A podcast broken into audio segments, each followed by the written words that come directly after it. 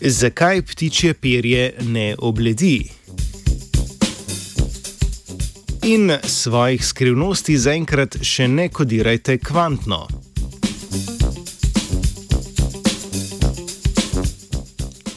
Ptiče perje je grajeno iz beljakovinskih verig, ki jih glede na specifično strukturo imenujemo beta-keratin.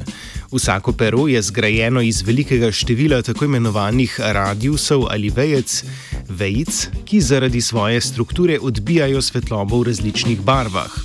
Slednja torej ni določena preko barvil ali pigmentov, pač pa je odvisna od sipanja svetlobe skozi zračne reže med nanostrukturami beta-keratina, ki, ki gradi vsako tanko vejico peresa. Skupina raziskovalcev z Univerze v Sheffieldu je pokazala, kako se te nanostrukture, ki so odgovorne za barvo perja, med razvojem spreminjajo.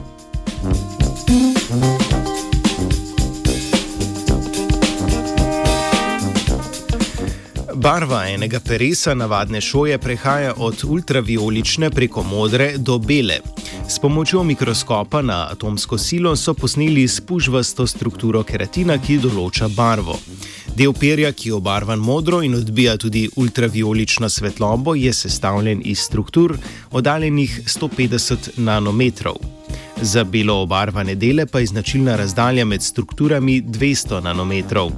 Nanostrukture nastajajo v času rasti peresa, ko je keratin še mobilen in se razporeja glede na ciljno barvo v tistem delu peresa.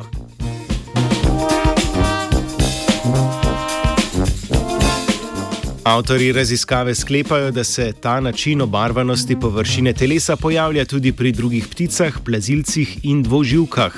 Odkritje pa lahko vodi tudi v smer razvoja obstojnejših barv sintetičnih materialov, saj bi bila barva odvisna od same strukture snovi in ne od dodanih barvil.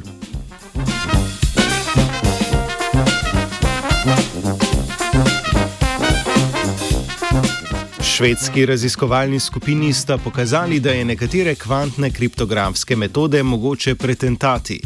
Način so matematično opisali, na to pa tudi eksperimentalno prikazali s pomočjo različno trajajočih laserskih pulzov.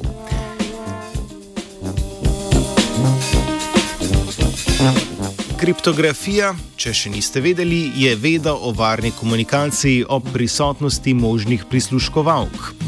Klasično se zanašamo na takšno kodiranje sporočil, ki njihovo dešifriranje naredi računsko zahtevno oziroma dolgotrajno.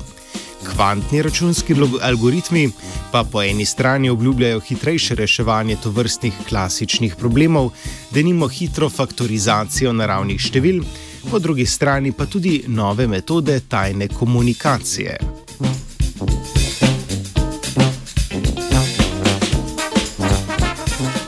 Kvantna kriptografija izkorišča dobro poznano značilnost merjenja kvantnih sistemov. Namreč, ko skušamo o njih kaj izvedeti, jih z opazovanjem neizogibno do neke mere tudi spremenimo. Poimenujmo osebi, ki želita komunicirati, Alica in Bob. Zakodirano sporočilo lahko dešifrirate le, če imate šifrirni ključ. Za potrebe dešifriranja sporočila opravite torej kvantno delitev ključa.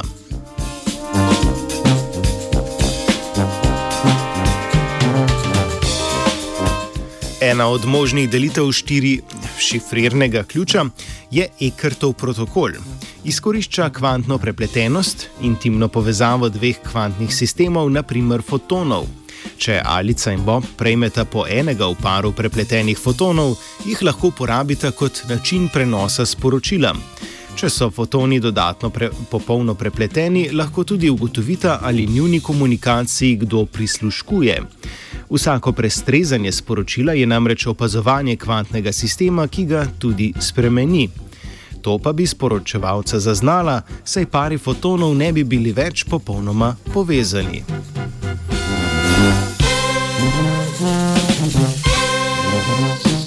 V praksi je takšno popolno povezanost težko doseči. Članek objavljen v reviji Science Advances razkrije, da je v realističnih napravah za to vrstno komuniciranje poslani signal mogoče neopaženo prestreči in prebrati. To nas opomni, da bo za kriptografijo uporabne kvantne računalnike potrebnega še več raziskovalnega dela. Svetlobo ptičjega perja sta prestrezala Urša in vajenec Junoš. Kot živi mrtvec in hkrati popolnega giba in hedonizma, nove tehnologije. Uživo, seveda. Radio študent, študent, študent. Uživo, seveda.